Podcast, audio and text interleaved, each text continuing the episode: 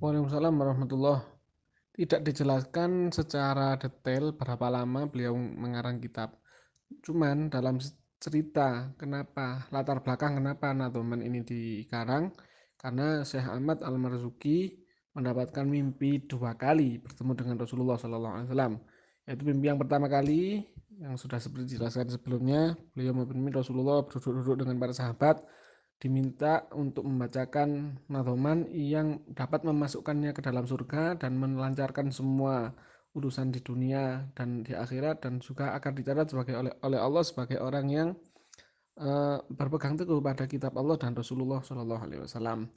Maka dibacakanlah nadoman mulai dari abda bismillahi warrahmani hingga bait wasuhuful khalili wal kalimi.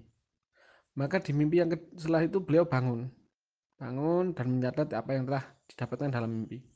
Kemudian tidak berselang berapa lama beliau bermimpi kembali yaitu meneruskan dari setelah bait wasuhuful khalimi wasuhuful khalili wal kalimi hingga akhir bait.